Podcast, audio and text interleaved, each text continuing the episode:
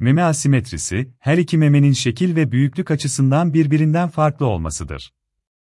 Kadınlarda ve erkeklerde her iki meme eşitsizlik vardır.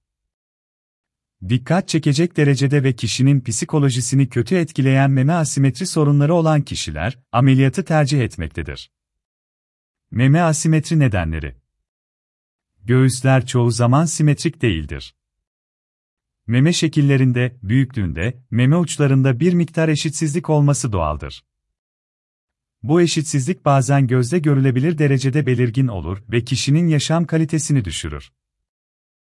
Ergenlik döneminde, göğüs değişimi başladığından itibaren meme asimetrisinde dengesizlik meydana gelebilir.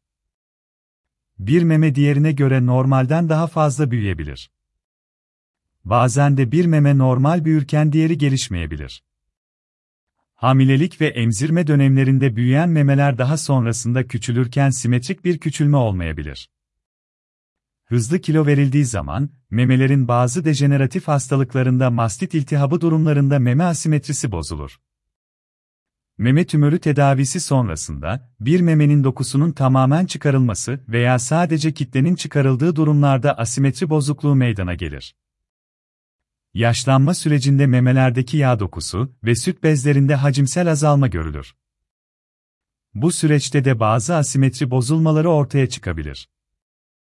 Erkek memelerinde de ergenlikten itibaren yapısal olarak meme asimetrisi görülebilir. Ayrıca ilerleyen yaşlarda tümör ve bazı ilaç kullanıma bağlı olarak asimetri bozukluğu görülebilir. Meme asimetri düzeltme ameliyatı nasıl yapılır? Meme asimetrisi ameliyatının amacı, her iki memeyi büyüklük ve şekil bakımından eşitlemektir. Bu sebeple normalden büyük meme küçültülürken normalden küçük meme de meme protezi ile büyütülür.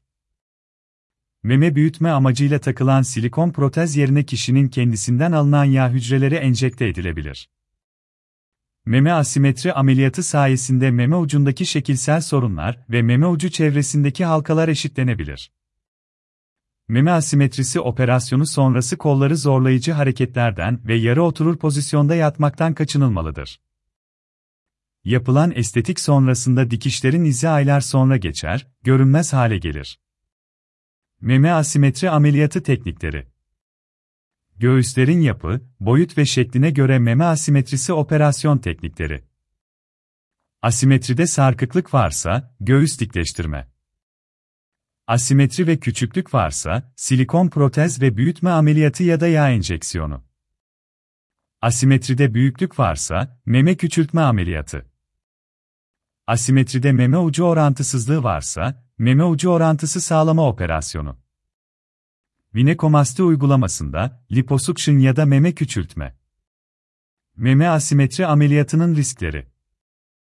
Dikiş ve takılan bantlar alerjik reaksiyon gösterebilir. Hamile bir kadın emzirme sorunu yaşayabilir. Kanama ve enfeksiyon riski vardır. Meme etrafında sıvı birikebilir. Meme ucunda ve etrafında his kaybı yaşanabilir. Deride renk değişimi, morarma ve şişlik olabilir.